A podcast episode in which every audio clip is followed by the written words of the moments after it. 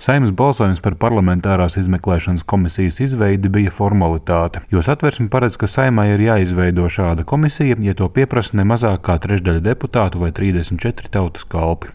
Jaunveidojumā komisija plāno vērtēt finanšu sektora kapitālā remonta ietekmi uz finanšu tirgu sistēmu Latvijā.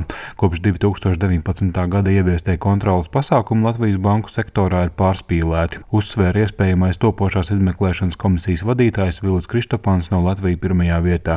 Es varu kļūdīties tur pa miljardu tur vai šur. Igaunijas banku aktīvi ir 30 miljardi. Un Latvijas komercbanka aktīvi, diemžēl, ir 25 miljardi.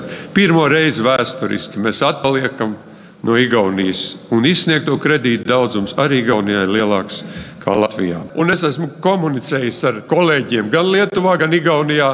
Mums ir ļoti pārspīlēta banku un klientu uzraudzība. Komisijas izveidas iniciatori grib arī izmeklēt iespējumu PNB bankas novešanu līdz maksāt nespējai, ABLV banku novešanu līdz piespiedu pašlikvidācijai un pērn gada nogalē notikušās Baltika International banka darbības apturēšanas apstākļus.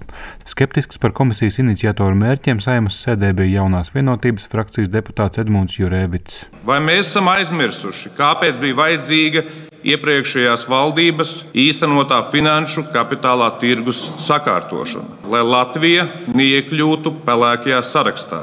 Kopā ar tādām valstīm kā Zimbabve, Jemena, Sīrija, kas atstātu katastrofālas sekas uz Latvijas drošību un tautsēmniecību. Saimai vēl būs jābalso par jaunveidojumās parlamentārās izmeklēšanas komisijas vadītāju un pārējo sastāvu.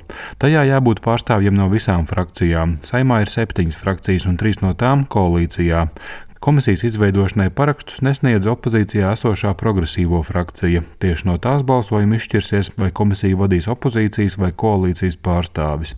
Tas varētu arī ietekmēt procesus komisijā, tajā skaitā uzaicināmo amatpersonu loku. Ar gala ziņojumu komisijai būs jānāk klajā sešu mēnešu laikā. Jānis Kincis, Latvijas Radio.